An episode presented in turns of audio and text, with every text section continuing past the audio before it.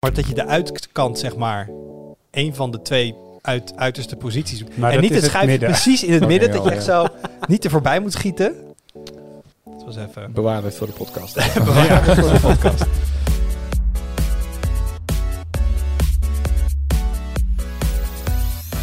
Hoi, leuk dat je luistert en welkom bij de Tweakers Podcast. Mijn naam is Arnoud en ik zit vandaag aan een, eh, aan, een, aan een bijzondere tafel. Kan ik dat zo zeggen? Misschien wel. Aan deze tafel Thijs Hofmans Hey, hallo.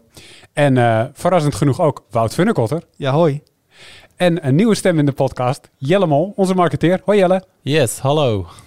En eh, ja, een marketeer hebben we niet elke week in de podcast.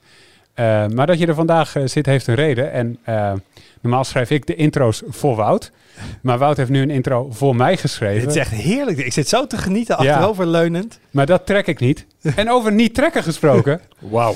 Daar gaan we het vandaag over hebben. Want daar gaan we mee stoppen. Althans, we, we, we gaan stoppen met advertenties die gebruikers tracken. Eh, en daar gaan we het vandaag over hebben. Eh, dat komt allemaal straks. Maar eerst de highlights. En dan begin ik bij Thijs. Ja, ga ik het toch weer over ruimtevaart doen. Ah, Ehm, Amerika er is een eh, Amerikaans bedrijf, Rocket Lab. Ehm, dat is niet zo super bekend, maar die hebben een eigen raket. En eh, zijn daar redelijk succesvol mee. S- sturen daar gewoon kleine satellietjes mee omhoog en zo. En die hebben nu voor het eerst tijdens een vlucht hebben die een raket eh, teruggehaald naar aarde. Maar die doen dat door hem op te vangen met een helikopter. Tof. En dat is Huh? deze week Huh? voor het eerst gebeurd. Dat is echt super vet hoe ze dat doen. Ehm, ze hebben dus een kleine raket, de Electron. En eh, eh, die hebben ze omhoog gestuurd. En die heeft 24 mini-satellieten omhoog gebracht. En daarna is het de bedoeling dat die raket, die, die eerste trap van die raket, die komt weer terug naar aarde. En normaal gesproken dan valt die altijd met een, eh, met een parachute valt die terug. En dan valt hij in de zee. En dan halen ze hem daar op met een boot. En dan proberen ze hem opnieuw te gebruiken. En wat ze nu dus hebben gedaan, en dat willen ze al een tijdje, maar hebben ze dus een, terwijl dat ding naar beneden viel aan die parachute, hebben ze met een helikopter, zijn ze daar boven gaan vliegen. Onder aan die helikopter hangt dan een hele grote kabel met een haak eraan. En daarmee gerissen ze zo die parachute uit de lucht. Wow. Dat klinkt als een film. Ja, maar dat is toch fantastisch? Hoe Mission Impossible is dat? Maar, dat is er dus nu voor het eerst gelukt. En ze probeerden in 2019, zeiden ze al van, dat gaan we doen. En dat was op het moment dat SpaceX natuurlijk al redelijk succesvol was met die herbruikbare Falcon-raketten. En toen kwam Rocket Lab en die zei, nee, nee, nee, we vervangen dat ding gewoon met een helikopter uit de lucht. En een haak.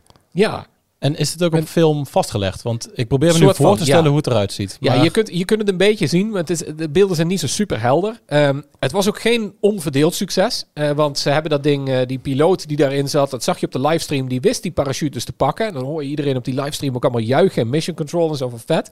Alleen toen kwam de piloot erachter van, "Ai, dat voelt eigenlijk veel vreemder aan dan de simulaties. Eh, ik vertrouw dit niet helemaal. Toen heeft hij die kabel alsnog losgelaten. Is dat ding alsnog in de zee gevallen. Goed, hè? eh, eh, ja, bij- bijna, bijna goed. je kunt geen omelet maken zonder een paar eieren te breken, maar zeggen. Dus, ze ja, hebben, precies. dus ze hebben met de haak hebben ze hem uit de lucht gevist. Om daarna alsnog in de zee te laten plensen. Ja, precies, ja. Maar goed, dan is een deel van de test in ieder geval nog vrij succesvol. En het is ook overigens niet de allereerste keer dat ze dit hebben gedaan, want ze, ze experimenteren hier al een paar jaar mee, dus sinds 2019 of zo. Dus ze hebben al een keer ehm, een paar testvluchten gedaan, dus dat ze, dat, dat ze die, eh, die, die raket aan een andere helikopter hebben gekoppeld en die heeft hem uit de lucht gegooid.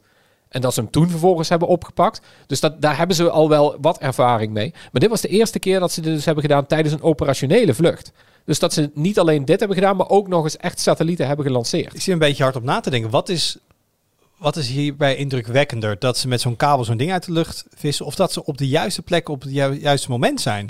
Ja, dat vind ik inderdaad ook wel, ja. Ja, Want hoe plan je dat? Dit is op een paar vierkante meter moet je met die ma- Ja, komt vrij hangen. nauwkeurig inderdaad. En Ja. maar in het verleden, als, ehm, weet ik wel, als er, als er bijvoorbeeld nou, de Soyuz die komt, nou, de Soyuz komt neer op het steppen. Ja. Maar dan is het niet alsof ze ernaast al staan. Dan moeten ze vaak van een paar kilometer ergens komen Ja, aanrijden. Ze zijn in de Ja. buurt. En ook destijds toen, toen Apollo landde en zo in, in, het water, dan had er ergens in de regio een schip waar ze van, dan, van gingen opstijgen. Ja. Ehm, maar ze moeten dus heel precies weten waar het ding naar beneden gaat zweven om daar met die helikopter te zijn. Want een ik helikopter kan een beetje tempo maken, maar als hij vijf kilometer uit de buurt is, dan ga je, die- dat gaat je niet meer lukken, denk Nee, je ik. moet daar wel snel mee zijn inderdaad. Ja, dat klopt. Ja. Ja, ik heb daar ook niet echt een antwoord op. Ik denk inderdaad dat dat wel, wel zo is. Ja, dat die wel in de Ja. buurt moet zijn. En als Lijkt me je ook dan- niet als je heel, prettig voor zo'n voor zo'n helikopter. Als je dan bent, moet je een beetje met die haak zwaaien. Dat is misschien nog maar, zeg maar het, het minste dan op dat moment dat je dat doet. Eh, Dit is niet de eerste, de beste piloot die dit doet, denk ik ook. Nee. Daar moet je wel Nee. wat ervaring voor hebben. Maar het idee is, als ze hem laten plonsen, gaat hij in het water. En is, dat, is dit dan wenselijker, omdat je dan geen corrosie krijgt, geen zout. Ja, volgens mij ligt het voornamelijk daaraan dat ze hem inderdaad, eh, plus die klap die, die je dan natuurlijk krijgt, die zal ook wel wat meespelen. Maar het is vooral het zoute zeewater en de corrosie dat, dat niet helemaal goed is voor zo'n eh, voor zo'n raket. Ehm, en dat ze hem daarom inderdaad uit de lucht proberen te plukken, ja. Dus dat ze hem meteen dan naar land kunnen brengen. Ja, Nee, het scheelt dat- natuurlijk dat- ook een hoop in de kosten, omdat je dan, je hoeft geen boot paraat te hebben die dan ook nog eens met, met zoveel man daar naartoe moet en dat ding weer eruit moet gaan slepen. Volgens mij is het, is het wat dat betreft ook, ja, makkelijker wil ik niet zeggen. Maar als je dit proces helemaal onder de knie hebt en dit wordt routine, dan is dat natuurlijk wel een, eh, ja. Je moet wel een slimmer. groepje badass helikopterpiloten opleiden die dit dan... Eh, eh, dat inderdaad wel, ja. ja. Hoe schaalbaar is het dan? Kan je dit, kan je dit, dus ja, er kunnen zijn- andere ruimtevaartbedrijven dit ook doen? Eh, eh, nou, dat denk ik niet. Maar ehm, Rocket Lab maakt dus een redelijk kleine raket. Want je ziet heel veel van. Je ziet in dit nieuws heel erg de invloed die SpaceX heeft op, eh, op, op dit soort bedrijven. Dit soort nieuwe, nieuwe start-ups eigenlijk nog. Ehm er zijn in de laatste jaren door SpaceX zijn er heel veel eh, kleinere bedrijfjes geweest die zel- zelf dus ook hun raketten zijn gaan bouwen en voor redelijk weinig geld satellieten lanceren. En de reden waarom dat zo goedkoop is, is omdat ze ervan uitgaan dat die raketten op den duur herbruikbaar zijn. Dat is wel Mhm. echt een duidelijke shift geweest. Daar hebben we het volgens mij in deze podcast ook al vaker over gehad en zo. Ehm, maar je ziet dat, dat dit soort bedrijven dit nu ook aan het proberen zijn en dan op, op best wel unieke wijze. Ehm, het is niet helemaal vergelijkbaar, want die Electron-raket die is veel kleiner dan een Falcon-raket. Dus eh, dat, dat, dat is makkelijker om die uit de lucht te grijpen. Ik denk niet dat je dat met een Falcon kunt. qua maar- gewicht ook misschien wat ja, lastiger. dat, precies, inderdaad dat, ja. En die Falcon, dat is natuurlijk ook wel een beetje... omdat hij dus verticaal landt, heeft hij nog een hoop brandstof aan boord daarvoor. Dus dat maakt hem ook weer een stuk zwaarder. En deze dit is in principe gewoon een lege huls. En dat Dus ehm, experimenteren, is dat ook een les die ze van uit SpaceX hebben getrokken? Dus opnieuw, dat de eerste keer, eh, laten we zeggen, de eerste vijf keer gewoon mislukt. En dan pas een keer. Ja, ik denk dat ze daar wel van uitgaan, inderdaad. Ja. Dat is natuurlijk met, met iedere nieuwe raket wel een, eh, een dingetje dat je die moet experimenteren. Maar dat, eh, je- je ziet wat er met, met de Falcon 9 heel veel gebeurde, is dat ze die omhoog stuurden. En dan was het altijd van, nou, weet je, de, de primaire missie is om gewoon Ja. die raketten of die, die, die satellieten in een baan om de aarde te krijgen. Dat is natuurlijk waar de klant voor betaalt. En dat terughalen is altijd een beetje secundair geweest. En dat zie je hier ook wel een beetje, ja. Maar niet Dat meer, klopt. toch? Ik denk als er nu, als er nu een Falcon niet landt, Nee, Falcon niet. Nee, inderdaad. dan zijn Bij ze echt wel teleurgesteld bij ja, SpaceX. precies. Bij SpaceX is het wel anders inderdaad, ja. ja. Ik kwam er laatst ook achter dat er, dat er een of andere raket was... die, die had al 10, 10 of 20 keer gevlogen of zo. En daarvan had SpaceX... of hadden, hadden mensen bij NASA gezegd van... ja, wij verkiezen tegenwoordig... eh, het liefst een raket die al meerdere keren heeft gevlogen... dan een gloednieuwe raket, want dan weten we dat die werkt. dus dit, dat is een complete shift van hoe dat een paar jaar geleden was. Ja. Ja. Want een paar jaar geleden was het volgens mij nog dat als je als zo'n raket twee, twee keer had gevlogen, al of drie keer of zo, dat, eh, dat klanten dan zei, eh, korting kregen als ze met een vlucht mee wilden die dat een vierde keer wilden gaan doen. Omdat dat dan toch nog een iets groter risico was. Dat was in de beginjaren wel, wel hoe Ja, dus nu moet je, nu zegt SpaceX van, oké, wil je met een raket omhoog? Ja, is goed. Eh, je- is de upsell, dan betaal je meer voor de tweedehands versie. Van wil je een gebruikte versie hebben, dan weet je tenminste zeker dat die goed is. Ja, precies. Ja, ik weet niet of dat, of dat in de kosten tegenwoordig nog zo is. Dat durf ik niet te zeggen. Maar vroeger was dat wel juist de andere kant op, ja. Dat je in ieder geval meer moest betalen voor een eh, gebruikte raket. Nou, dat is wel bijzonder. Of minder juist. ja, bijzondere ontwikkeling. Ja, ja mooi. Yes. Hey Wout, wat heb jij eh, meegenomen vandaag? Nee, ik heb letterlijk wat meegenomen. ja, je hebt Ja, we, hebben, meegenomen. we hebben even niks op de, de camera's even in gebruikt. Dus we hebben niks op de YouTube, dus je kan het ook niet zien. Maar ik kan bevestigen, er staat iets, er staat een voorwerp voor, eh voor Wout. en we gaan het zo laten horen. Nee, ik, ik heb af en toe, dan ehm, heb ik het, het, eh, de, de, de neiging, dan moet ik even iets doen wat mensen al jaren doen, maar waardoor ik mij toch net even wat meer tweaker voel. Dus maar op een gegeven moment, een paar jaar terug, dacht ik, ja, ik moet toch gewoon een behuizing hebben met een raampje en RGB erin. En het klinkt echt super oppervlakkig van, wat boeit dat nou? En ik, ja, dat wil ik ook gewoon een keer gedaan hebben met RGB klooien en met een raampje en dan naar mijn componenten kunnen kijken. Nou, dat was het toen. En dacht ik laatst, ja, die mechanische toetsenborden, ik moet er ook gewoon maar een keer aan geloven. Natuurlijk, ik heb jarenlang mensen helemaal lyrisch over welke switches en welke keys en welke keycaps. En moet het dan van dit soort plastic of dat soort plastic. Nou, ik zag de laatste jaren, ja, jaren naast de maanden heel veel collega's die allemaal voor één specifiek toetsenbord opeens gingen. Dat was helemaal hip. Dat was de, de eh, V3 van Keychron. Ehm, dus dacht ik, nou, die, die moet ik ook hebben. Nou, dat chiptekorten allemaal niet te krijgen. Dus ik zat maanden een beetje te zoeken en te F5'en. Dus denk, en dat is zo'n ehm, low-profile keyboard is dat. Ik denk, nou, dan ga ik maar gewoon ouderwets voor zo'n high-profile ding. Dus ik heb een, een, mechanisch toetsenbord gekocht. Ja, tof. Ik snap dat mensen hierdoor een rabbit in hole duiken. want ik had hem gekocht met een bepaald type switch. ehm, met eh, bruine switches. En dan gebruik ik hem op kantoor. En toen dacht ik, ik voelde me toch een klein beetje opgelaten bij... Het is redelijk stil bij ons. Ik Mhm. moet rode switches hebben, die zijn stiller. Maar ja, dus dan koop je een andere set switches. Ik zat net le- lekker tijdens mijn lunchpauze, zat ik met mijn keypooler, zat ik toetsen eraf te trekken en switches zat ik eh, te Dat maakt ironisch genoeg meer lawaai dan dat je gewoon een stuk had geschreven. Dus, Ja, nee, dat is waar. Dus ik, ik verontschuldig me ook al een beetje. Jullie waren gewoon heel erg snel weer aan het werk. Ik denk, jongens, we zijn nog lekker in de lunchpauze. Dus eh, voor de mensen die het, eh, die het fijn vinden, dit soort dingen. Dat is toch heerlijk. Even kijken, dit is, ik heb nog niet al mijn keys gedaan. Dus dit is eh, rood. En dat is bruin. Dat hoor je meteen natuurlijk. Dat Toch? hoor je meteen, Ja, dat hoor je meteen. Ja. Klikken die versus niet, klikken die. Dus, maar toen zat ik te kijken, want ik vind mijn spatiebalk te luid. Dat heb Mhm. je, dat, toch mensen, dat heb je toch wel eens, dat je gewoon denkt, mijn spatiebalk is te luid. Mm. Zeker. Ja. Ik, word, ik Ja. word er elke Ja. dag mee wakker. Ja, daarom. Dat, dat, Dus mensen denk- die de Tweakers podcast luisteren Ja, maar dan hebben denk je van, het is lekker. En dan, nee, dat, dat Oh, ja. klinkt gewoon niet. Ja. Dus dan ga je vanzelf googlen van, mijn spatiebalk is te luid. En nu zegt ze, ja, nee, maar dan heb je, eh, je hebt lube. Dus je hebt een soort van speciaal smeervet wat je dan kan gebruiken. Maar ook voor mensen zeggen, nee, je moet eh, foam aan de binnenkant doen voor akoestische demping. Dus ik, ik ben bang dat ik een soort weg ben ingeslagen. Ehm, waar ik de komende tijd niet uit ga komen. Maar dat vind ik wel leuk. En dan waarschijnlijk denk ik over een half jaar van... Oh, ik koop gewoon een normaal toetsenbordje of zo. Dit was dan weer, dan, dan is het een, een kortstondige liefde. Maar ik vind het wel leuk om dan een keer in zo'n wereld te duiken... en dan me ook een beetje in te verdiepen... en dan te merken how, how deep the rabbit hole go, goes, zeg maar. Maar hoe typt het beter? Dat is natuurlijk de centrale vraag. Daarvoor doe je het toch? Laat ik zo zeggen, gaan mijn words per minute omhoog? Gaan je words per minute omhoog? Ik, ga, ik heb het niet getest. Ik ga het ook niet testen, want het maakt me niet zoveel uit. het is een beetje van, ga je hier beter van typen? Nee. Ik vind het wel daadwerkelijk een heel fijn gevoel van die hoge toets. Het, doet, het is heel nostalgisch ook, zeg maar. Mhm. Toen ik vroeger, vroeger ehm, als, als kleine Wout, toen we de eerste computer kregen, dat je dit soort toetsenborden. Ja. Echt van die, van die oude Cherry die IBM dingen. Dus ik vind het een hele fijne typeervaring. Dat is ook nog steeds waar collega Olaf trouwens nog steeds op schrijft. Hè? Een cherry? Dat is Zo'n enorm ding op zijn bureau Ja, staan. dat is echt een, daar je iemand wel echt knock-out mee slaan. Ja. Ehm, dus, dus nee, het is, het, is, ja, het is wel vaker met hobby. Soms ben je met iets bezig en denk je, ja, ga je daar in het eindresultaat nou wat van merken? Nee, maar het ermee bezig. Maar een andere hobby is fotografie. En soms dan koop ik iets of dan tweak ik iets aan de camera. En denk ik, ja, worden mijn foto's daar nou uiteindelijk beter van? Nee. Vind ik het leuk om het proces te doorlopen en ermee bezig te zijn? Ja, heel erg. En dat geldt hier nu ook, denk ik, voor. Maar het kan Weet- toch ook zijn dat het comfortabeler typt? Of dat je denkt van mijn vingers die, die worden daar minder... Nou, sterker nog, het is tegenovergesteld, want deze toetsen zijn dus hoger.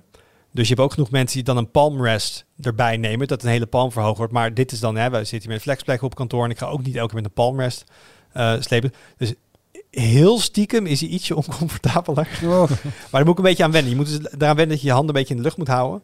Eh, maar zodra de low-profile versies weer beschikbaar zijn, ga ik dat ook proberen. En dan gaat er gewoon eentje op VNA uiteindelijk. Um, maar die waren nu gewoon, ja, eh, wat ik zeg, chiptekorten uitverkocht. Ja. Dat soort dingen. Ja. Maar ben je ook En- niet bang dat dit, dat dit een hele dure hobby gaat worden? Want ik heb het idee dat mensen die in deze rabbit hole duiken, dat die gelijk ook dat die eindigen met minimaal 20 van die toetsenborden thuis. Nee, want daarvoor is mijn aandachtspannen te kort. Dan zie ik weer daarna opeens iets anders en is het squirrel. En dan, dan ben ik weer in iets anders geïnteresseerd. Dus dat, nee, ik hoef dan niet nu meteen in de bovenste regionen van de toetsenbord aficionado's op internet te eindigen. Dus ik denk uiteindelijk ga ik, ga ik er misschien nog wel één kopen. En dan kijken wat het verschil is. Dan verkoop ik er eentje op tweedehands. En dan hou ik er eentje over of zo. Dan, dan ben ik helemaal, helemaal tevreden. En we hebben, we hebben meer collega's met een mechanisch toetsenbord. Ben ik achtergekomen tijdens videocalls. heb, je daar al, heb je daar al klachten over gehad dat, eh, dat het soms vrij luid kan zijn als iemand aan het typen is tijdens een, eh, tijdens een call? Ik wel. N- Nee, maar misschien durven mensen dat niet. niet ik moet zeggen, thuis heb ik een, ehm, een bedraden. En dit is natuurlijk draadloos, dat vond ik Mhm. ook fijn. Dus die had ik al wat langer. Die was ook mechanisch, maar dat is dan wel niet hot swappable en zo. Dat is heel basic. En die heeft dus blauwe switches. En dat zijn zeg maar de klikken, die klikken, die klik switches. Dus in het begin had ik juist ehm, met Google Meet dat ik dan heel zachtjes ging typen als ik ging typen. maar tegenwoordig heb je die ingebouwde noise cancelling van Google. En die noise reduction. En volgens mij ja, wordt dit soort shit er allemaal uitgefilterd tegenwoordig. dus ik kan nou, niet, bij alle, niet bij alle collega's. nou, en wat wel helpt, ik heb zeg maar zo'n podcast-stijl microfoon thuis. Dus ja, de, ik denk dat dat de heel kwaliteit van de audio is heel goed en dat pikt heel goed de stem Ja. op. Ehm, maar, dus nee, ik heb nog geen klacht gehad. Jelle, volgende keer dat we in een call zitten, ga ik zorgen dat ik dit ding heb. Dan, ga En ik dan- het, dan gaan we testen. En dan moet je heel eerlijk tegen me zijn. Nee, maar die microfoon zou wel veel kunnen uitmaken. Want ik merk het bij een paar collega's die dan volgens mij gewoon de microfoon van hun laptop gewoon op dat moment gebruiken. Dus ook niet eens oortjes of iets in hebben. Oh, Ja, maar die, ja, maar ja. die letterlijk, als ze op hun laptop typen, de microfoon van de lab zit dichter in de buurt van het toetsenbord dan van Ja, jouw dan- stem. Ja, Dan hoor je Dus dan dat. is het Ja. ook niet meer dan logisch dat je dat Ja, opvangt. ik, heb, Ja. ik heb ook een hele shitty eh, webcam met een microfoon erin. En ik heb dat wel eens, dat als ik aan het typen ben, dat collega's mij op mute zetten. Nou ja. Dat dat dan niet door. Dat is wel een paar keer gebeurd. Hé, je hebt me door. Ja. ja. Maar ben jij van de mechanische toetsenborden, Jelle? Nee, ik, mijn, mijn ervaring eh, beperkt zich dus tot, eh, dat, Tot ik ze hoor, dat ik ze hoor in, in videocalls. Ah, maar wacht, we, Eh, we zitten nu met een podcastmicrofoon. Ja. Dus we kunnen gewoon... Voor de gebruikers thuis moeten we even terugluisteren zo. Ja. Ik ga niet te lang doen, wordt heel irritant. ja, hoor je dat? Ja, ik ben benieuwd. Ben benieuwd. Ik ga het echt extreem versterken. Dan zegt iedereen tegen je, jeetje, dat kan echt niet. Die Wout is echt een asociale collega. Die zit daar maar op te typen en zo. Ja. Maar ben jij van de mechanische toetsenborden thuis? Ja, nou, eh, niet, van, niet als in die rabbit hole in. Maar ik vind ze wel fijner typen dan gewone toetsenborden. Ja, dus ik heb thuis ook een Blue Switch toetsenbord. Mhm. Ehm, ook omdat ik inmiddels een eigen werkkamer heb. Dus ik kan het heel makkelijk. Dus eh, ik, Niemand ik hoort val daar niemand mee lastig. ja, voor Ja. de mensen die inderdaad niet... Blauwe, die zijn dus het meest luidruchtig. Ja, maar die, ik- die voelen ook... Die zijn gewoon het meest clicky. Ja. Het geeft gewoon qua, qua, qua tactaal gevoel, zeg maar. Alleen blauw is dan wel Maar ik vind, bekend. dat, ik vind dat geluid ook heel prettig, prettig werken, eerlijk gezegd. Dat, dat, dat helpt mij te concentreren. Een soort white noise of zo. Ja, maar dat zijn dus wel degene van zeggen... Zeg maar, collega's gaan niet naast andere collega's zitten met blauwe Ik toetsenborden. zou, dat is nee, ik niet zou tof. hem inderdaad ook niet meenemen naar kantoor. Nee. Ja, nu we weer vaker naar kantoor gaan. Dat, eh, dus moet daar een oplossing voor verzinnen. Ja. Nou, ik heb eh, allemaal mooie tips eh opgedaan. Nul seconden Duik samen lekker die rabbit hole in. Jelle, wat heb jij eh, meegenomen vandaag? Nou, ik eh, las gisteren op eh, Tweakers dat Facebook gaat stoppen met podcasts Mhm. op het platform. Het eerste wat ik dacht was, stonden er podcasts op Ja, Facebook? Dat was ook mijn gedachte. Ik, ik, bedoel, ik kan niet zeggen dat ik heel vaak op Facebook zit. Misschien één keer in de maand dat ik, eh, weet ik veel, notificaties wegwerk of zo.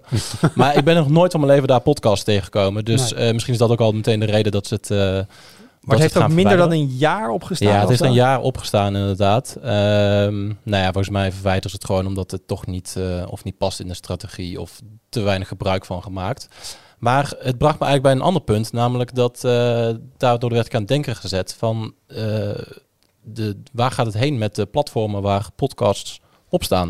De Want- foute, foute kant op. De foute Mhm. kant op, zeg jij? Nou, Nou, in, in die zin vind ik het een soort van. eh, we hebben natuurlijk eh, in april hebben we de, de lancering van Podimo eh, gehad in, Ja. eh, in Nederland. Eh, dat zijn, eh, nou ja, dat zijn dat is een, een, een paywall, zeg maar. Er zijn een aantal podcasts daar nu exclusief op dat platform. Eh, Spotify was natuurlijk al een tijdje bezig met eh, podcasts. Eh, daar zie je in principe volgens mij gewoon dezelfde als ook in de open feed staan, zeg maar bijvoorbeeld in mijn, nou, ik gebruik zelf Apple Podcasts. NRC bouwt al een tijdje een eigen audio app. En eh, volgens mij, eh, Arnoud, zag ik jou er ook al over eh, ik wil twi- net zeggen. Arnold, Arnold heeft hier mening over. Ja, volgens jij, mij. jij, jij hebt volgens mij het ervaart hetzelfde probleem als ik. Hoe hou je bij in drie verschillende apps Ja. waar welke nieuwe podcast beschikbaar is? Ja, Dus dat is, dat is één. Maar ten tweede, mijn podcastleven speelt zich af in mijn podcast feed. Dat is één feed, daar komt alles binnen. Ik vind het ook geen probleem om te betalen voor podcasts. Eh, Ik heb geen probleem met paywalls als mensen goede dingen maken. Ik betaal ze graag. Maar kom wel in die feed, want daar, dat start op op het moment dat ik mijn auto opstart. Zeg maar, daar kies ik dan een nieuwe podcast eh, om te luisteren en dan ga ik rijden. Ik ga niet nog eens een andere app openen. En zeker in het verkeer, als iets af is, dan ga ik niet op mijn telefoon nieuwe apps openen om, om een podcast te luisteren. Zo werkt dat gewoon helemaal niet. Eh, Welke, dus welke app eh, gebruik jij als vraag maar? Pocket Casts op Android. ja, same. Het is wel geinig, die gebruik ik ook, maar ik gebruik de hele feed-functie niet, bedenk ik me nu. Als ik, als ik in de auto zit, denk ik, oh, ik wil podcast X luisteren. En dan tik ik die aan in de app en dan klik ik de meest recente aflevering aan. Maar als die inderdaad afge- als die afgelopen is, dan Ja, moet ik wel bij het stoplicht eventjes op mijn telefoon kijken om dan weer naar de volgende te Maar er zit blijkbaar een feed-functie er zit in. een feed-functie in. Ja, dat heet volgens mij filter en is het tweede tabblad, daar opent die bij mij. Ehm, maar buiten, bu- daar, daar buiten gelaten, er waren dus een aantal podcasts die ik, eh, die ik volg. Ik zat eh, in, eh, in de podcast Pim van NRC. Die hadden drie afleveringen openbaar online gezet. Aan het einde van de derde aflevering zeiden ze, wil je nou verder luisteren? Download een NRC audio. Ah, kijk. Toen dacht ik, eh, Want dan moet ik eraan denken, want die afleveringen verschijnen per week. Dat ik ergens dus deze week NRC Audio open. Ik heb het niet eens staan, maar als ik het zou hebben, om het dan te openen. Dus dan moet je een luisteren. reminder in je agenda zetten. Niet Zoiets. vergeten NRC Audio te openen. Ja, Ja, dat heb ik serieus ook wel. Ja, dat vind ik, ook, dat vind ik aan NRC ook wel irritant. Dat klopt. dat, dat maar je... is dit, denk je dat dit... ehm, is dit niet een beetje een, een, een kinderziekte van waar podcasts heen gaan? Het is natuurlijk ook wel... Het heeft met de technologie te maken. Mhm. Maar van de andere kant... Ik kan me voorstellen dat er over een jaar of zo... dat hier wel een oplossing voor is. Ja, net zoals bij videostreamingdiensten. Maar ja, ik wou zeggen. Eh, volgens ja. mij zien we daar precies... Goed eh, punt. ja, goed punt. Nee, ja, het heeft volgens mij heel erg te maken met dat het, pod, het medium podcast nu echt volwassen is geworden. Nadat het, ja, nadat heel lang, heel veel jaren een soort van... hm, Nou, ja, Jaren na semi, Adam semi, Curry. semi-hobby-achtig dingetje Sorry, was geweest. sorry Adam Curry. Sorry, Adam Curry, inderdaad. Maar dan eh, zie je nu dat er... eh, ik bedoel, ik geloof er absoluut in. eh, absoluut in dat je, gaat ervoor betalen... en er wordt gewoon meer waarde, denk ik, uiteindelijk gecreëerd in die podcastwereld. Dus dat is supergoed nieuws. Maar ja, zitten we daar inderdaad net als met HBO Max, de Netflix, Disney Plus... straks met drie, vier verschillende apps en abonnementen dan op onze telefoon. Ik ben benieuwd. Ja, en, en ik vind het wel, want het- je haalt terecht het voorbeeld aan van streamingdiensten voor video. Het verschil is natuurlijk wel, eh, als je dat gaat kijken, dan zit je op de bank met een tv of je, of, of je ge- gebruikt een monitor of whatever, maar je bent actief daarmee bezig. Dus je kan actief van app wisselen. Dat is wel anders dan met podcast die veel mensen erbij doen. Dus of in de auto, of tijdens het fietsen, of Ja. tijdens het wasopvouwen of whatever. Je bent iets anders aan het doen en je bent niet op je telefoon zelf bezig. Dus op het moment dat je dat, je, dat podcasts ook een soort van behangetje zijn. Dus er, er loopt door wat er loopt en je zoekt het niet specifiek op. ehm, eh, en je denkt er niet aan.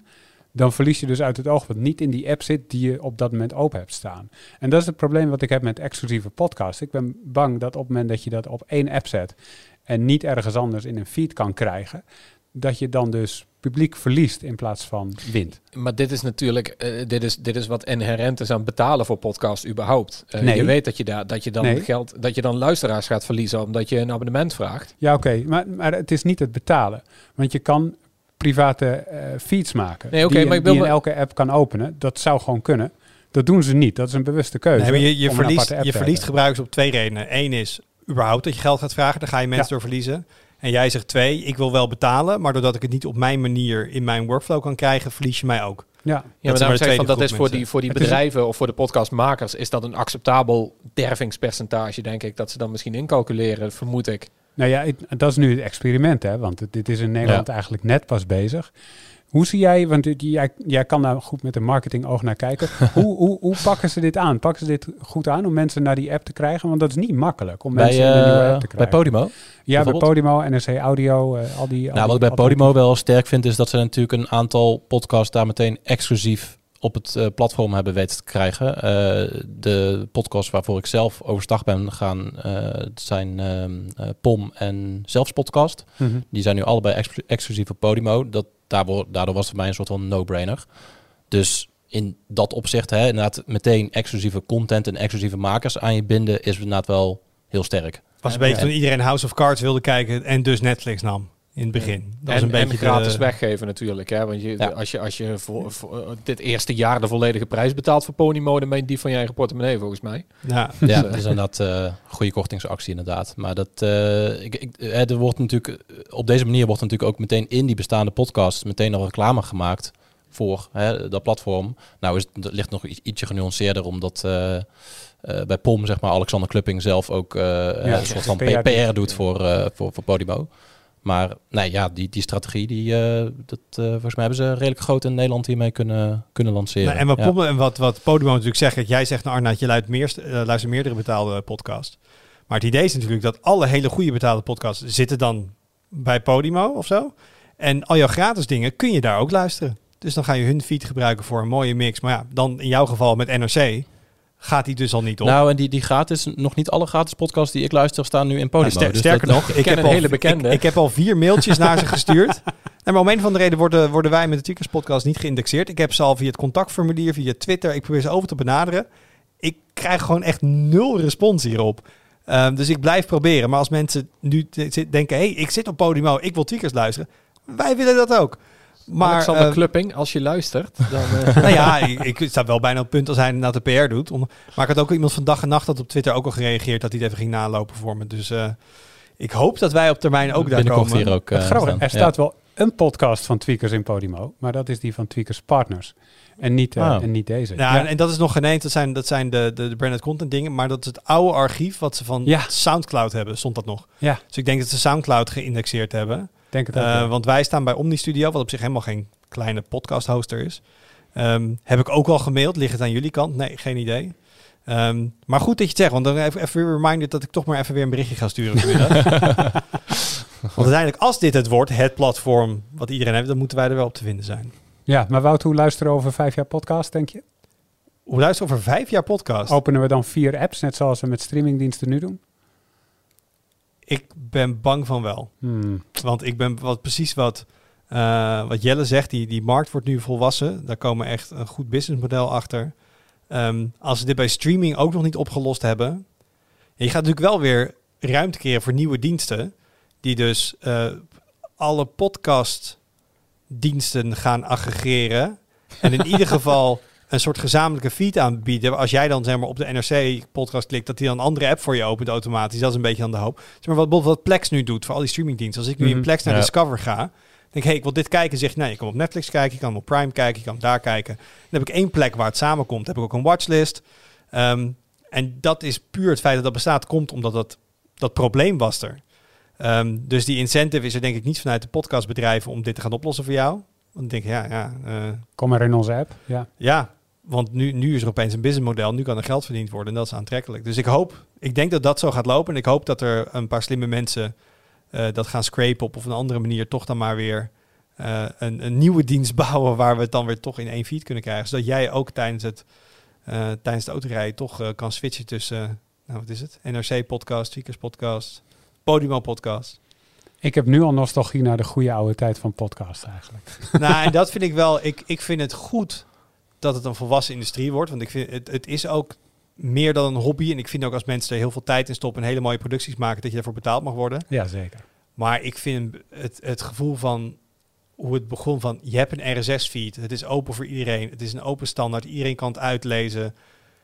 Ja, dat, dat eh, soort eh, idealistisch gezien vond ik dat wel een heel stuk mooier natuurlijk. Ja, maar Ja. dat idealisme is ook wat heel veel uitgeverijen op internet heel moeilijk heeft gemaakt. Dat is ook pas de laatste jaren dat geld verdienen met, eh, met een website. in ieder geval. Of dat de bereidheid om te betalen voor websites Ja. en nieuws online. Dat is echt iets recents. Ook omdat we, en, en ik denk dat podcastmakers die zien ook wel in van die fout moeten we niet nu nog een keer maken. Dus Ja, uiteindelijk ben ik ook voor. Ja, het is een beetje zoals je favoriete band. Dat je denkt, ja, tuurlijk mogen jullie wereldwijd succes hebben. Maar het was leuker toen jullie in die schuur optraden en ik erbij was. goede vergelijking. Ja. Ja, inderdaad. Waar ik het tot slot over wil hebben is ehm, Apple Self-Service Repair. Op, eh, op Koningsdag heeft Apple dat eh, live gezet. Kan je dat zo zeggen? Met een reparatieprogramma? Ik denk het wel. Hebben ze live gezet. En eh, dat vond ik een heel opvallende aankondiging. Er zijn een paar heel opvallende dingen aan. Ik neem, ik neem ze even door. Ehm, Wat is het überhaupt voor programma? ja, het is eh, eh, zelfreparatie. Dus je kan dan eh, bij Apple aangeven: ik wil mijn eigen iPhone 12 of 13 of nieuwe iPhone SE wil ik zelf repareren. En dan kun je bij Apple dus de originele onderdelen kopen. En vervolgens kun je die dus met hun tools, die reparateurs ook gebruiken in Apple stores en in, bij onafhankelijke reparateurs die door Apple gecertificeerd zijn. Met diezelfde tools kun jij die reparatie uitvoeren. Thuis.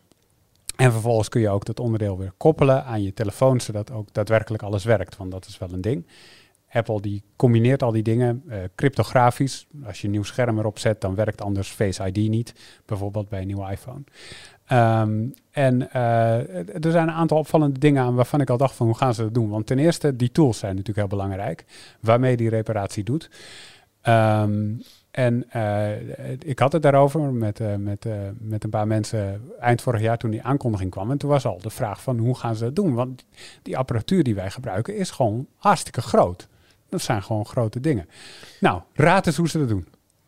Ja, ik heb geen idee, maar wat voor apparatuur hebben we het hier over? Want het is ge- dus geen schroevendraaierketje zoals Nee. iFixit dat levert. Nee, eh, ze hebben eh, speciale apparaten bijvoorbeeld om eh, de lijm rond, eh, rondom het scherm, om dat eh, eh, op te warmen, om het zo los te maken, Oh zonder dat je het scherm zelf verbrandt. Wil je Dus- zeggen dat ze daar bij Apple geen föhn voor Ik gebruiken? Daar gebruiken ze geen föhn voor. En ook geen hittepistool. Het is een heel groot vierkantachtig ding waar je hem inschuift in een mal. En dan warmt hij hem op.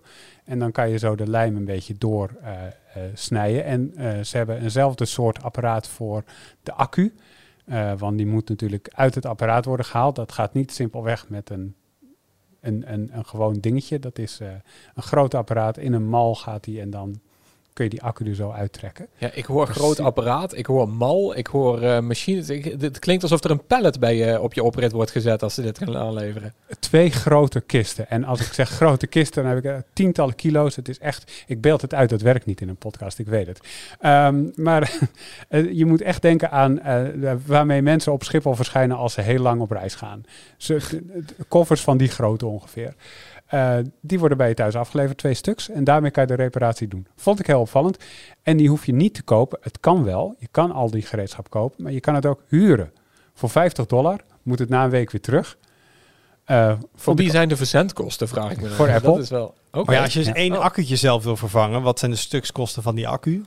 Precies. Dat is, eh nou, een accu is niet zo heel duur. Dat is Nee. dan 40, 45 dollar. Maar dan moet je dus nog de huur van je apparatuur erbovenop doen. Precies. En dat is 50 dollar. En dat is het andere opvallend punt.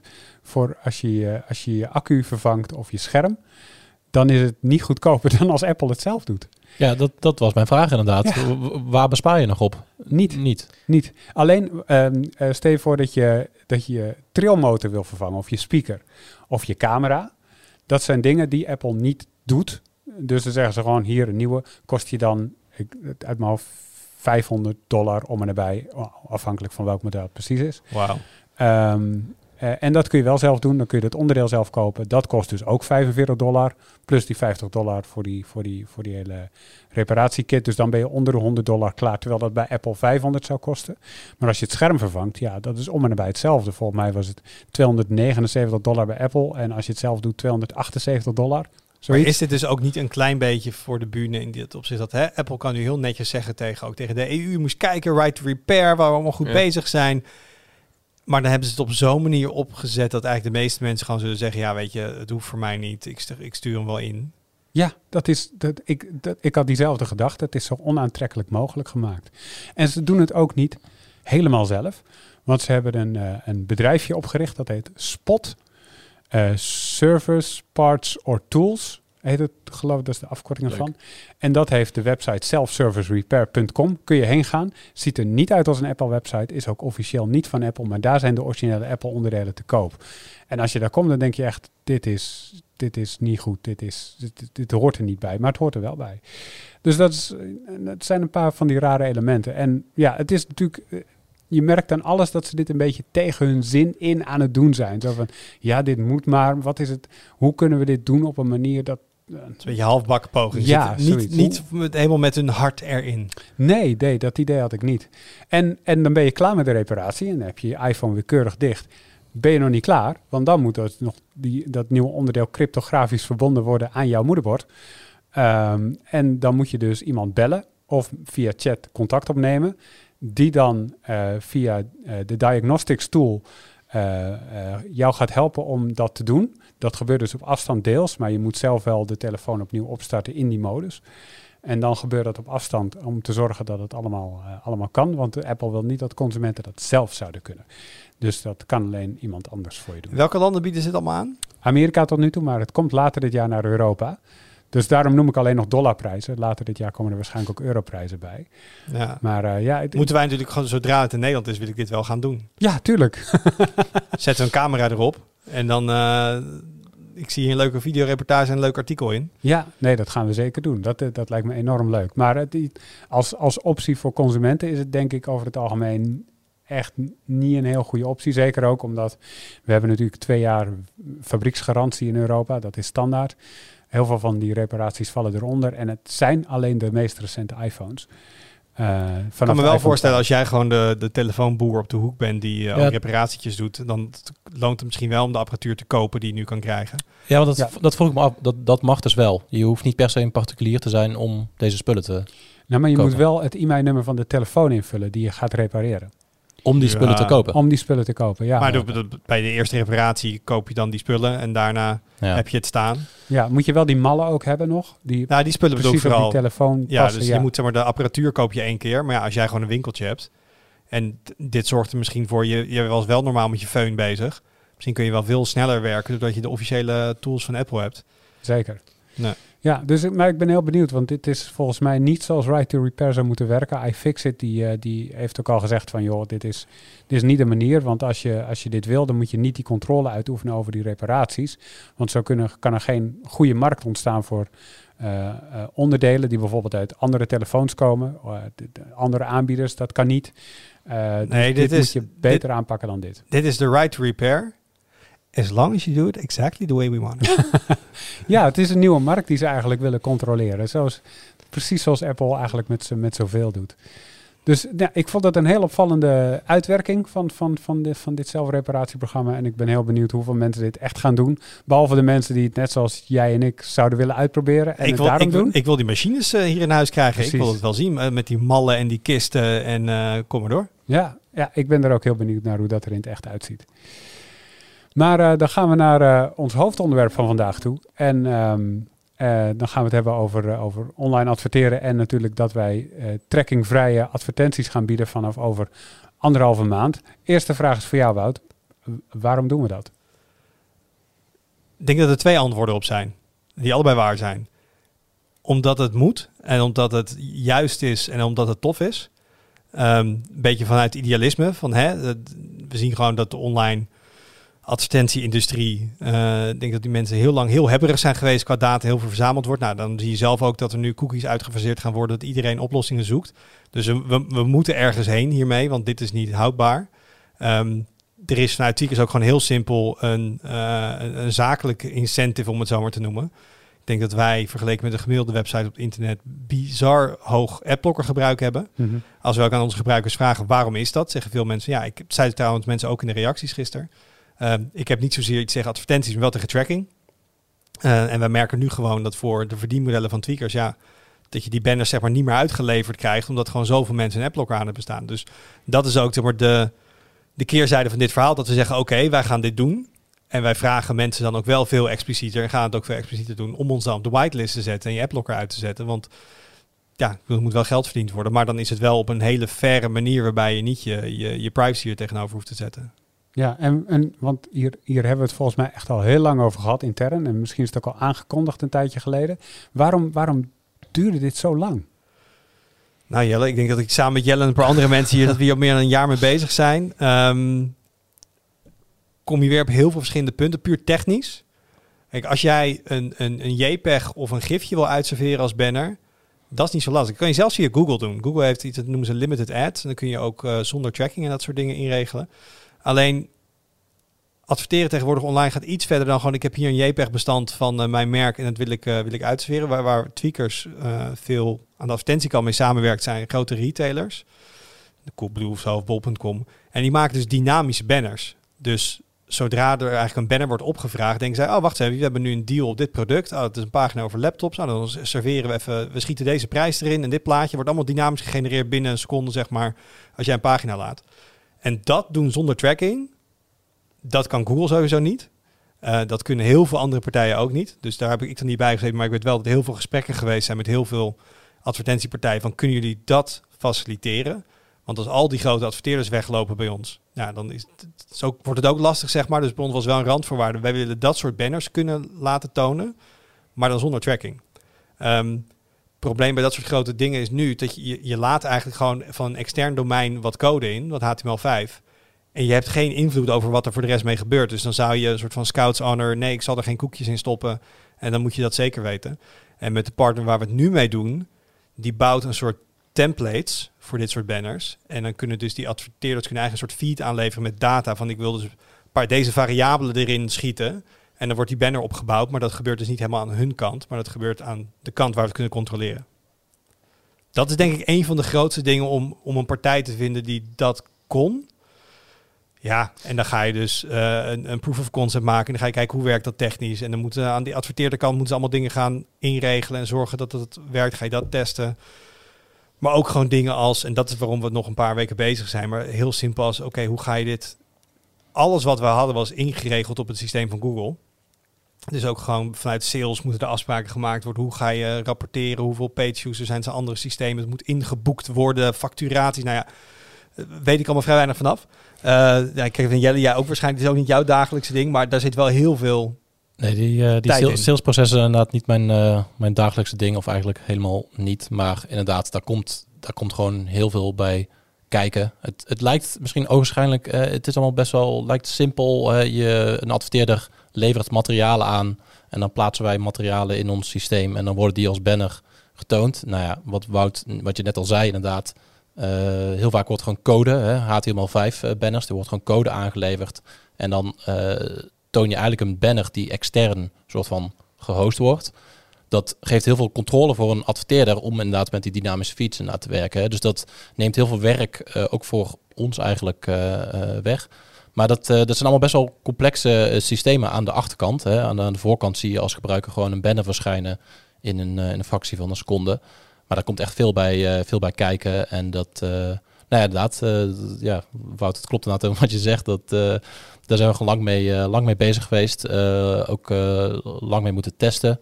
Um, ik denk dat technisch gezien, ik denk dat we, het is nu mei, ik denk dat we oktober vorig jaar, november, maar een soort proof of concept hadden draaien. Dat je gewoon al mhm. op een testomgeving één banner van een adverteerder die via die systeem wordt uitgeleverd. Maar dat lag dan voornamelijk aan de technische uh, obstakels? Of hadden adverteerders die, ik kan me voorstellen dat die hier ook niet helemaal blij mee zijn natuurlijk. Nou, het, het, uh, we hebben inderdaad in eerste instantie gewoon gekeken naar die, die proof of concept. Dus kunnen we dit werkbaar krijgen op een, op een tweakers testomgeving? Uh, zoals adverteerders dat inderdaad met die dynamische feeds bijvoorbeeld, zoals ze dat ook willen. Um, daarna is pas eigenlijk natuurlijk de fase gekomen, en dat is wat, wat recenter uh, inderdaad, dat je ook natuurlijk afspraken moet gaan maken met uh, nou zo de partij waarmee die dit nu faciliteert, maar ook met adverteerders inderdaad. En uh, voor adverteerders betekent het ook een grote verandering, want zij moeten materialen bijvoorbeeld ook op een andere manier gaan aanleveren. En dat, Wij zijn ook heel irritant hierin, want het halve internet werkt met Google, en dat is allemaal een standaard manier van je banners ergens krijgen. En wij gaan wel vragen, ja, maar bij ons moet je toch even een ander loketje hebben, een ander pad belopen. En het moet allemaal net even anders uh, om het bij ons gedaan te krijgen. Dus ja, dat betekent dat je veel met die partijen moet, uh, moet spreken. Dat hebben uh, nou ja, onze, onze accountmanagers, die natuurlijk al langdurige relaties met die adverteerders hebben, die, die hebben daar met de adverteerders over gesproken. En dan ook gekeken. Er komen natuurlijk ook veel vragen van adverteerders van wat kan ik dan wel, wat kan ik niet meer, op welke manier moet ik die materialen aanleveren. Dus daar heeft ook wel veel, veel tijd in gezeten. Maar ik denk uiteindelijk als je terugkijkt naar afgelopen jaar, dan is het toch met name wel die, die technische obstakels in het begin die we moesten overwinnen. Want uh, Wout, jij noemde inderdaad die Google Limited uh, Ads. Uh, heel lang leek dat de oplossing te worden voor wat wij wilden, namelijk mm cookieloze advertenties. En toen kwam puntje bij paaltje en toen bleek dat Limited Ads beperkt was tot JPEG, PNG en GIF, of zo. Nou ja, dat zijn eigenlijk gewoon, als ik zo even, dom, domme banners, zeg maar. Dat zijn gewoon afbeeldingen. Dan kan je wel afbeeldingen roleren of zo. Maar heel veel uh, intelligentie zit er verder ook niet, uh, niet in. Nou ja, en dat was voor een aantal van onze adverteerders zei van ja, daar kunnen wij niet mee werken. Dat, dat is niet. Uh, maar dat, was is te limited. Ja, maar, te, maar, te limited, maar dat was wel weer denk ik totaal twee maanden weg. Die je toch met Google in onderhandeling was en dan meetings inplannen en dan met mensen uit het buitenland. En dat, dat is een best wel traag proces. En toen, nou, dus teken je twee maanden in blijkt, oké, dit is het niet. Dan ga je weer terug naar de tekentafel. Maar uh, Jelle, die, uh, we presenteren dit nu echt als een tweakersding, maar we zijn onderdeel van een veel groter concern, namelijk DPG. Dit gaat iedereen toch toepassen dan? Dit is toch gewoon uh, eh, DPG breed dan en wij blaten over ons deel? Nee, ja, in, principe is wat, wat wij nu hier doen bij Tweakers is echt Tweakers eigen. Dus wij, um, nou ik mag het zo even zeggen, we hebben een soort van carte blanche gekregen om inderdaad deze, deze oplossing voor, voor Tweakers te gaan, te gaan gebruiken. Er wordt uiteraard wel vanuit DPG met veel interesse gekeken wat dit, hoe dit gaat werken en uh, wat, wat die veranderingen dan, dan betekenen. DPG zelf kiest in principe voor een andere strategie. of nou ja, deels anders, voor een groot deel overlapt dat. Als je het hebt over contextual, hè, dus contextuele advertenties, dus op basis van de pagina die je aan het bezoeken bent, dat, dat is iets wat DPG nu ook al toepast. En dat is iets wat heel belangrijk gaat worden voor, bij het verdwijnen van third-party third -party cookies. Uh, er wordt ook nog steeds gekeken, ook door DPG, naar de oplossingen waar bijvoorbeeld partijen als Google uiteindelijk mee gaan komen. Bij Google zit dat nu nog echt in een testfase. Dus er, is, nu nog, er is nu nog geen uh, cookieloze vervanging van, van, uh, van Google. Um, en ja, je moet je ook wel voorstellen dat bij DPG veel, veel nieuwsmerken natuurlijk, hè, Volkskrant, AD bijvoorbeeld. Ja, dan zit je, als je het hebt over contextuele advertenties, is dat echt, zit je echt in een ander vaarwater dan, dan wij zitten. Bij ons heb je een pagina, een Pricewatch pagina bijvoorbeeld die je bezoekt. Daar is het heel duidelijk over welk product of welke productcategorie, welke fabrikant gaat dit. Uh, als jij een nieuwsartikel van de Volkskrant bezoekt en dat gaat over, uh, um, nou ja, sowieso, ja, ik wou zeggen Oekraïne bijvoorbeeld, maar dat is sowieso natuurlijk een heel gevoelig onderwerp waar brand safety voor adverteerders ook heel erg uh, belangrijk is. Dus liever iets waar ze ook niet mee, nou, op dat soort plekken liever niet adverteren. Maar je ziet daar dat voor contextuele advertenties, dat bijvoorbeeld machine learning daar wordt, wordt, wordt, wordt toegepast om veel beter te begrijpen waar nou die content over gaat. Want met alleen een paar tags, zeg maar, dat, dat werkt op, op, op dat, uh, voor, dat soort artikelen niet. En dat doen wij dus niet? Wij, uh, wat bedoel je? De, de, de, de, de AI, de machine learning om te kijken. Nou, waar de, wij, wij, gaan wel, wij gaan wel wat context creëren voor uh, pagina's, zeg maar, zonder menselijke tussenkomst. Dus dan is het niet afhankelijk van welke tekst eraan gehangen zijn. Maar eigenlijk. Nou, dat, en dat gaan we ook doen. Ja. Arnoud, tijd, we gaan jullie werk makkelijker maken. Want nu aan, in de backend van in ons CMS kun je uh, onderwerpen koppelen aan bijvoorbeeld een nieuwsbericht. Een nieuwe iPhone, dan koppelen het bedrijf Apple, de iPhone, smartphones, en allemaal dingen die we aan koppelen. Nou, dat wordt dus ook gebruikt voor die banners, van gewoon waar gaat deze pagina over. Maar het loopt nu wel vanuit development een heel tof um, initiatief om dus ook de teksten te gaan analyseren. Want dat koppelen is nu mensenwerk. Maar wij vergeten misschien wel zo'n koppeling. Zeker. Of denken van ja, oh, deze was vergeten, dat kun je er ook bij doen. Dus ik had laatst al een proof of concept gezien achter de schermen, waarbij dus gewoon inderdaad um, de tekst geanalyseerd wordt. En dan krijg je een lijst met suggesties van onderwerpen met een soort van probability factor erachter, van, 1 tot, van 0 tot 1. Van nou, met een 0,8 zekerheid zeggen we dat deze, dit artikel ook hierover gaat. Um, dus we zijn een, een, stukje machine learning aan het inzetten, gaan we inzetten om dat koppelen makkelijker te maken. Um, en wat Jelle zegt, en, en, en dat is wel goed, en dat is bij zich 100% opt-in, is dat mensen ook kunnen opt-innen. En wat we dan doen, is dat we wel op tweakers ook kijken, uh, of, of wat, wat, soort pagina's lees jij vaker. Uh, en je daar ook dan wat vaker daarover banners laten zien. Dus dan krijg je misschien niet letterlijk op die pagina die over laptops gaat, de laptop banner. Maar als jij maandag heel veel over laptops leest, dan kun je misschien op de dinsdag of woensdag ook nog wel een laptop banner te zien krijgen. Um, maar dat is dus als jij gewoon, dat kun je akkoord mee gaan. Ja. En wat dat, wat het trouwens ook doet, is uh, frequency capping. Dus dat betekent dat een advertentie, dat je niet te vaak dezelfde advertentie te zien krijgt. Uh, dat is nu iets wat met cookies wordt gedaan. Nou, die cookies hebben we straks niet meer. Hmm. Maar als je daar optioneel dan toestemming voor geeft als gebruiker, dan kunnen we alsnog ook die frequency capping toe, uh, toepassen. Nog eens trouwens, je vroeg net naar die de DPG, hè, hoe zij dat dan mm -hmm. anders doen. Wat bij DPG ook wel echt wezenlijk anders is, bij de merken van DPG moet ik zeggen, is uh, first party data, dus uh, ja, uit logins. Dus la ze laten, vooral bij de nieuwsmerken wordt het inloggen heel belangrijk om een soort van, ehm, ja, ik zit lekker in elke Engelse termen vandaag, de walled garden zoals we dat noemen. dus het is eigenlijk net, net als Facebook, hè, een, een afgesloten platform. Uh, waar, waarbinnen je dan ook kan, uh, kan adverteren en ook uh, gebruikers nou ja, advertenties kan tonen op basis van data die zij delen. Uiteraard ja, wel. En dat met, is maar met, groot, met, met, toestemming van gebruikers. En een groot verschil met ons, wij koppelen het niet aan je Tweakers profiel. Nee. nee. Dus wij houden niet per gebruiker bij wat nee. die persoon leest of doet. Want, want um, DPG, dat kun je ook altijd, uh, dat, dat, dat, kun je ook altijd teruglezen in jaarverslagen en zo. Dat is, die, die, zien, die zien voornamelijk de grote techbedrijven en dan natuurlijk specifiek Google en Facebook als de grote concurrent. Ja. In ieder geval op advertentiegebied. Um, maar dat is, dat is niet helemaal waarom wij dit implementeren, toch? Dat is niet omdat wij zeggen van nou we willen minder afhankelijk zijn van Google, that's it. Nee, uh, nou, ik denk wel wat, wat uh, de, de, Tweakers zat eigenlijk als een van de weinige DPG-titels nog op een advertentiesysteem van Google, hè, Google Ad Manager. Uh, nou, ontgoogling uh, is wel fijn in dit verhaal, inderdaad, dat we daar nu ook uh, mee stoppen. Ja. Ik denk als je hem omdraait, kijk, wij hebben dat probleem gewoon puur zakelijk, heeft Tweakers echt het probleem van adblockers. Dat is echt, onderschat dat niet. Dat gaat elk jaar omhoog. Dus we hebben ook gekeken, wat is nou... Kijk, als wij twee jaar geleden tegen mensen zeggen, alsjeblieft whitelisten, niet een heel sterk verzoek. Zeg mensen, ja, je laden dit in en dit in en, en tracking en Google. Nou, fair enough. Dat vraagt iedere website sowieso ook al. Dan krijg je op een gegeven moment ook een overload. Ja, van. maar ik vind wel, als je, als je het vraagt, moet, het ook, moet je ook laten zien dat je je best hebt gedaan om het zo goed mogelijk in te richten.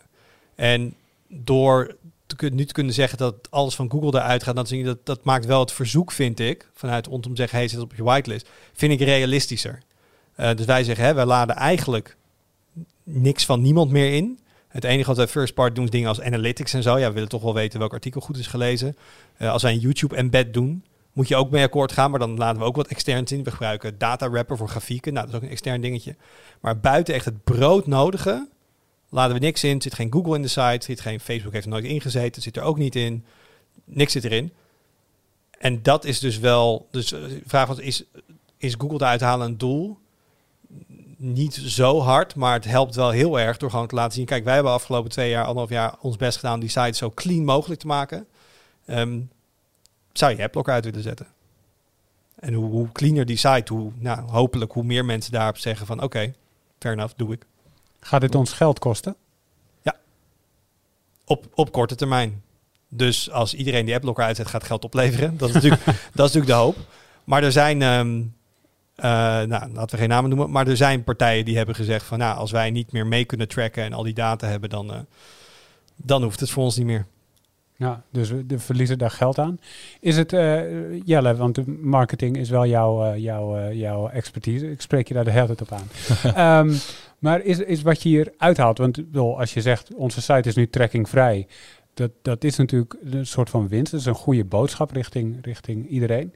Ehm, eh, kun je dat er positief tegenover stellen? Zo nou, omdat we dat doen, de, eh, maakt het niet zoveel uit dat je daar qua geld iets op verliest. Je, je wint er ook weer mee. Nou, ik denk wat, wat dat Wout net aangaf, eh, uiteindelijk dat, dat lagere percentage appblokkers, zeg maar, dat, daar zouden we inderdaad, hè, dat is ook iets waar we naar streven. Hè, dat, dat, is iets waar tweakers, nou waar je ook als gebruiker tweakers enorm mee, mee zou helpen. Ik denk voor de lange termijn is dit uiteindelijk iets waar de markt onvermijdelijk naartoe gaat. Ik bedoel, het is gewoon bekend dat third-party cookies gaan verdwijnen. En Google heeft het op een gegeven moment wel weer een jaar uitgesteld, want ze hebben zelf nog geen fatsoenlijke vervanging. Maar eh, ik geloof dat voor nu voor Chrome staat het nu op eh, 2023. Eh, maar ook, kijk, Safari en Firefox zijn al veel langer op dit vlak bezig. Dus Ja. je ziet eigenlijk aan allerlei zijden, zeg maar, aan alle kanten, vanuit browsers, vanuit, maar ook vooral natuurlijk belangrijk vanuit toezichthouders, en dat de hele markt hier naartoe aan het bewegen is. En kijk, wij zijn niet de eerste hiermee, maar we zijn hier wel, als je kijkt naar de, de omvang van tweakers en de, van hoe, groot is dit en hoe moeilijk was het ook om dit, eh, om dit te veranderen, zijn we wel eh, een van de eerste eh, grote partijen inderdaad die dit, niet de eerste, maar een van de partijen die dit nu voor elkaar krijgt. En daarmee lopen we natuurlijk wel ook wel voorop op, in, op wat er komen gaat. Ja. Ja, Daar- het, is, het is inderdaad, want ik heb, ik heb vorig jaar een keer eens met de advertentieindustrie gesproken hierover. Onder andere omdat Google dat, die, die plannen had. En toen zei ik van ja, maar dit komt voor jullie natuurlijk ook niet als een verrassing of zo. En toen zeiden ze inderdaad ook van nee, dat, dat klopt. Maar van de andere kant merk ik vanuit die advertentieindustrie ook niet echt hele harde... eh, de, die zitten er niet om te springen of zo om over te gaan. Ze hebben allemaal wel het besef dat dat op termijn moet gaan gebeuren. Om inderdaad wat jij zegt, eigenlijk om verschillende redenen. Maar ze doen daar zelf misschien ook wel logisch, Ja, maar niet je- heel veel aan. ja, je ziet een hele afwachtende houding. Ja. En dat, dat, zit, dat zit soms aan de zijde van, van adverteerders, maar ook bijvoorbeeld de mediabureaus. Hè. Er zijn allerlei ja, soort van tussenpartijen die ook heel erg gespecialiseerd zijn in allerlei advertentietechnologie. En die zijn gewoon aan het, nou, min of meer eigenlijk aan het afwachten van wat, wat gebeurt hier, waar, eh, wanneer gaan we echt, wanneer nou, mo- moeten we iets. Maar die zijn, ook, en die zijn ook gespecialiseerd in A, hele mooie rapporten uitdraaien met allemaal data van wie je bereikt hebt. Ja. En zitten heel erg op het targeten ook van wie wil je bereiken. Wij gaan die groep voor je bereiken. En dus dat je zegt, die adverteerders zijn niet happig tijd. Nee, ja, want uiteindelijk, je gaat gewoon een heel stuk minder te weten komen over wat er met die banner gebeurd is. Want dat gaan we niet meer bijhouden. Ehm, ja, en wie, wie knippert het eerst, zeg maar?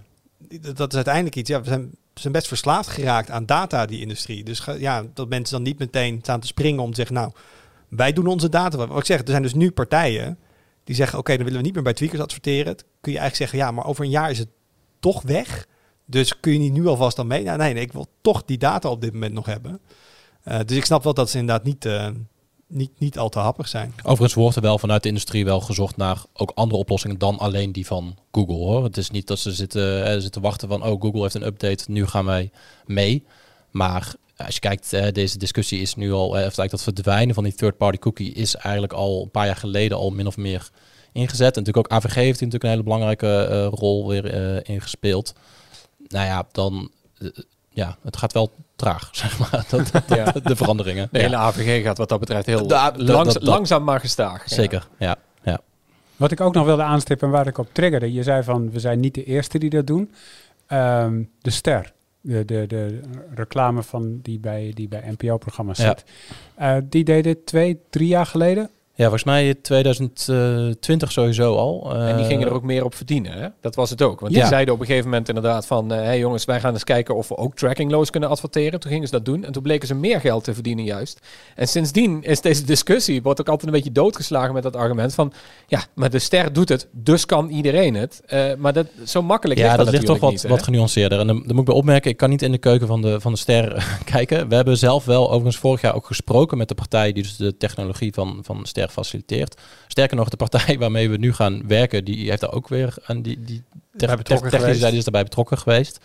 Maar voor de sterren is de situatie wel echt anders. Ik denk uh, onder andere omdat uh, wat, wat, uh, wat Wout net beschreef over die dynamische advertenties.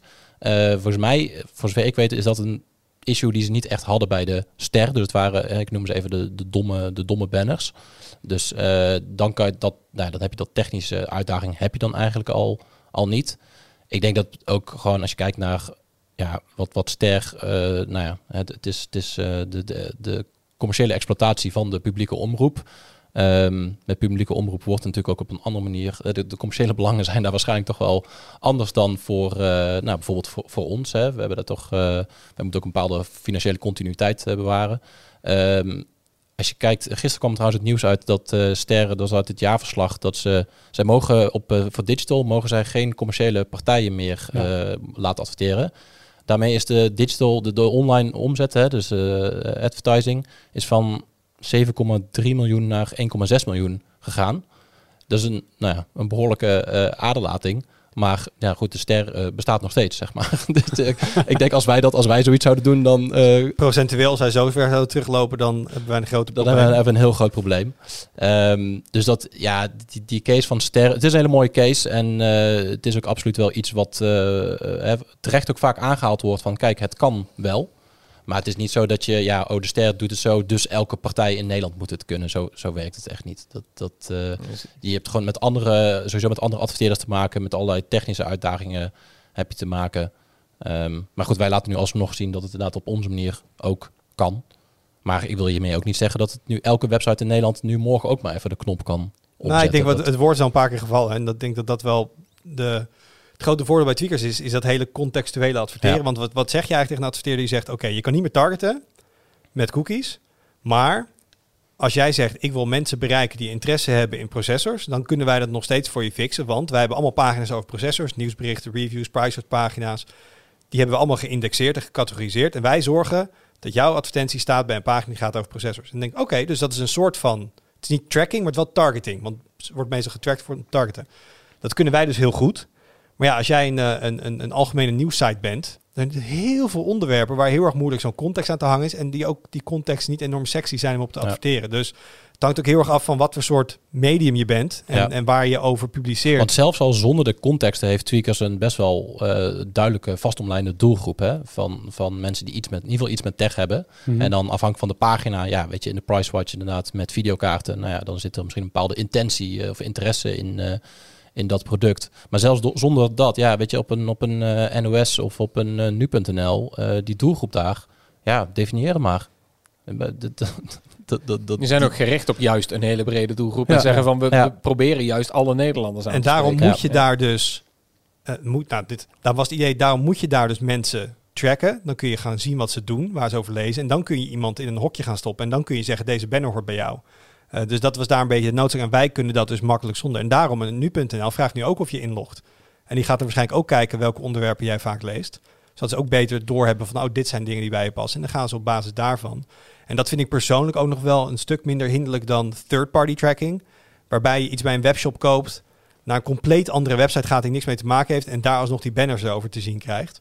Uh, wat DPG dan doet is, nou, dan zou het wel kunnen dat wat jij op nu.nl leest, dat het ook invloed heeft welke banners je krijgt op de Volkskrant bijvoorbeeld, als je daar zou zijn. Ja, en dan heb je, eh, omdat het onderdeel is van DPG, zou DPG dan ook, volgens mij zijn er ook mee bezig, faciliteren dat je daar bijvoorbeeld weer voor een opt-out voor kan doen hè, bij DPG. Dus je hebt ook één centrale plek waar je naartoe kan om je privacy-instellingen bijvoorbeeld te wijzigen. Terwijl met third-party cookies, eh, ja, je kan je cookies wisselen op je apparaat, maar Ja. verder eh, onttrekt iedereen zich redelijk van enige verantwoordelijkheid. Hey, wanneer is third-party tracking eh, uit de wereld? Laat even de tafel rond. Thijs. Wanneer, eh, nou, ik denk, ik denk niet dat dat heel snel gaat. Maar ik denk wel dat er een, eh, een hele goede shift zichtbaar is op, op alle vlakken naar, naar minder tracking. En, en als je kijkt, denk ik, op mediagebied, en dan wil ik toch Jelle ook weer een beetje aankijken, dat, dat het toch iets meer toegaat naar geld direct proberen op te halen bij je lezers en je abonnees. En niet zozeer de adverteerders. Dus gewoon minder afhankelijk zijn van adverteerders is altijd een goed ding, lijkt me. Ja, dat is sowieso natuurlijk gezond om eh, verschillende verdienmodellen te hebben als, eh, als, als website of Sowieso. überhaupt als, als bedrijf. Als Maar- podcast bij Podimo, Als- bijvoorbeeld. Precies. maar het, het, eh, ik denk niet dat het alleen maar toegaat naar bijvoorbeeld eh, paywalls en, en, en dergelijke. Die, het kan ook naast elkaar bestaan. Of, eh, of misschien, nog, misschien komen er nog wel andere vormen van... eh, Maar dat je wel een gezondere verdeling Ja, hebt. Dat die taart ja, op een ja. gezondere manier verdeeld is. En niet Ja. 80% Ja. tracking. maar dit is ook, 20% dit is ook meteen het punt wat voor sommige websites heel moeilijk is. Want als jij geen content maakt die waardevol genoeg is om voor te betalen... Ja, en want- je bent volledig afhankelijk van advertenties, misschien zelfs programmatic, zeg maar. Dus dan nou ja, weet je eigenlijk helemaal niet wie je adverteerders zijn. Er wordt gewoon van alles getoond afhankelijk van het bot dat ze doen. Ja, succes met deze verandering. Ja, want ik zat er net, net ook te denken toen we het over de ster hadden. Ik weet bijvoorbeeld NRC, die daar adverteren ze ook zonder, eh, zonder tracking. Ja, klopt. Eh, maar dat is natuurlijk heel makkelijk, omdat hun grootste, eh, hun belangrijkste inkomsten zijn natuurlijk van, eh, van, van abonnementen. Uit lezers, Een ja. significant groter deel. Dus dan is dat vraagstuk al veel minder relevant. Ja, klopt. Ja. Maar wanneer kan ik over het internet surfen zonder de hele tijd getrackt te worden? Dat wilde ik weten. Gewoon een adblocker aanzetten, joh. Oké. Nou, als, als, als Google zich aan zijn afspraak houdt, 2023. ehm, en ik denk vooral dat, ik denk vooral dat het grote, grote verandering gaat zijn third party versus first party. Dus niet zozeer dat je niet meer getrackt gaat worden, maar dat je niet over het hele internet. Ik bedoel, ik moet persoonlijk zeggen, ik ben blij verrast met de kwaliteit van Instagram advertenties. Het valt me echt op van alle platformen waar ik op kom, dat ik daar vaak blijf hangen en denk, oh wacht maar, ik vind het daadwerkelijk interessant. En ik heb ook wel eens doorgeklikt. Dat doe ik op een traditionele banner op een website echt nooit. En dat is omdat ze wel op een gegeven moment first party data over mij hebben. ehm, en snappen een beetje waar mijn interesses liggen. Ehm, dus die, dat is laatste pa- paar keer voorbij gekomen dat ik echt dacht, oh, dit is een banner die ik niet storend vind. Of een stukje adverteren. Ben je zo in je, in je mechanische toetsenborden rabbit hole beland? Het is nu heel veel korte broeken voor de zomer. Om een of andere reden zit ik ook in het korte broekenbakje. Ehm, maar ik denk wel dat dat meer... En, en zolang die first party zeg maar geen Google heet die, over, die overal ter wereld gebruikt wordt. Maar ik denk dat meer in kleinere... ehm, ja, in, eh, kleiner afgebakend. Dus inderdaad dat misschien die app wat van je weet. Of die ene site van wa- wat van je weet. In plaats van... Er is één partij die over het hele internet actief is en wat van je weet. Yes. Nou, lijkt me een goed moment om een, eh, om een eh, punt te zetten. Wil ik nog wel even een week vooruit kijken, namelijk wat de komende week op, op de site gebeurt. We hebben weer een nieuwe smartphone BBG, een van onze meest gelezen verhalen elke twee maanden, waarin we alle nieuwe smartphones eh, doorspreken. Ik heb er weer een hoop binnen zien komen afgelopen maanden, dus eh, er komt weer een hoop verse, verse telefoons Dus aan. als je nu iets wil kopen, doe het even niet. Wacht even een week en dan vertellen Friso en Donovan welke je moet hebben. Precies, dan weet je precies welke je moet Of je hebben. ziet een advertentie op tweakers voorbij komen en denkt, die moet ik hebben. Bijvoorbeeld. Veel beter. En Thijs, jij bent bezig met iets van Log4j. Ja, klopt. Ja, dat werd in, in december, eh, misschien herinner je je dat nog wel, dat was zo'n eh, beveiligingslek in een grote Java library. En dat was toen echt de hele security wereld stond helemaal op zijn kop. En dit zou de apocalypse worden en bedrijven zouden instorten. dit was echt Je beschrijft Eh, nu Millennium ongeveer, Bug, een je Millennium beschrijft Bug, echt ja. zeg maar de, de, de sentiment rondom elk groot beveiligingslek. Op dat moment Ja, is maar het... bij deze was die, was die wel echt veel Was die echt groter. heftig, ja. was die veel groter om, omdat hoe makkelijk dat die kon worden uitgebuit en wat je er vervolgens mee kon. En dat is eigenlijk een beetje doodgeslagen. Dus ik heb een beetje rondgevraagd van ja, waarom denken experts nou dat dat, dat, dat komt? Is dat, is dat het millennium bug effect? Dat we denken van, dat werd ook groots aangekondigd, bleek uiteindelijk niks te zijn. Maar achteraf was dat omdat er gewoon heel goed gepatcht werd daarvoor. Of is dat gewoon omdat het, het probleem overdreven was? Het is een beetje een moeilijk vraagstuk. Ehm, daar heb ik geprobeerd een antwoord op te vinden. Dus dat, eh, dat lees je ja, v- eh, als je dit luistert vandaag of morgen. En dan heb ik eh, zondag nog een Terug in de Tijd. Dat is onze terugkijkrubriek met nieuws van 10, 15 en 20 jaar geleden. Kijken hoe het nieuws van toen eh, is afgelopen. Hartstikke leuk. hey, dank jullie wel jongens. Eh, jij dankjewel voor het luisteren. Feedback kan in de reacties eh, of naar podcast.tweakers.net. En tot volgende week. Doei!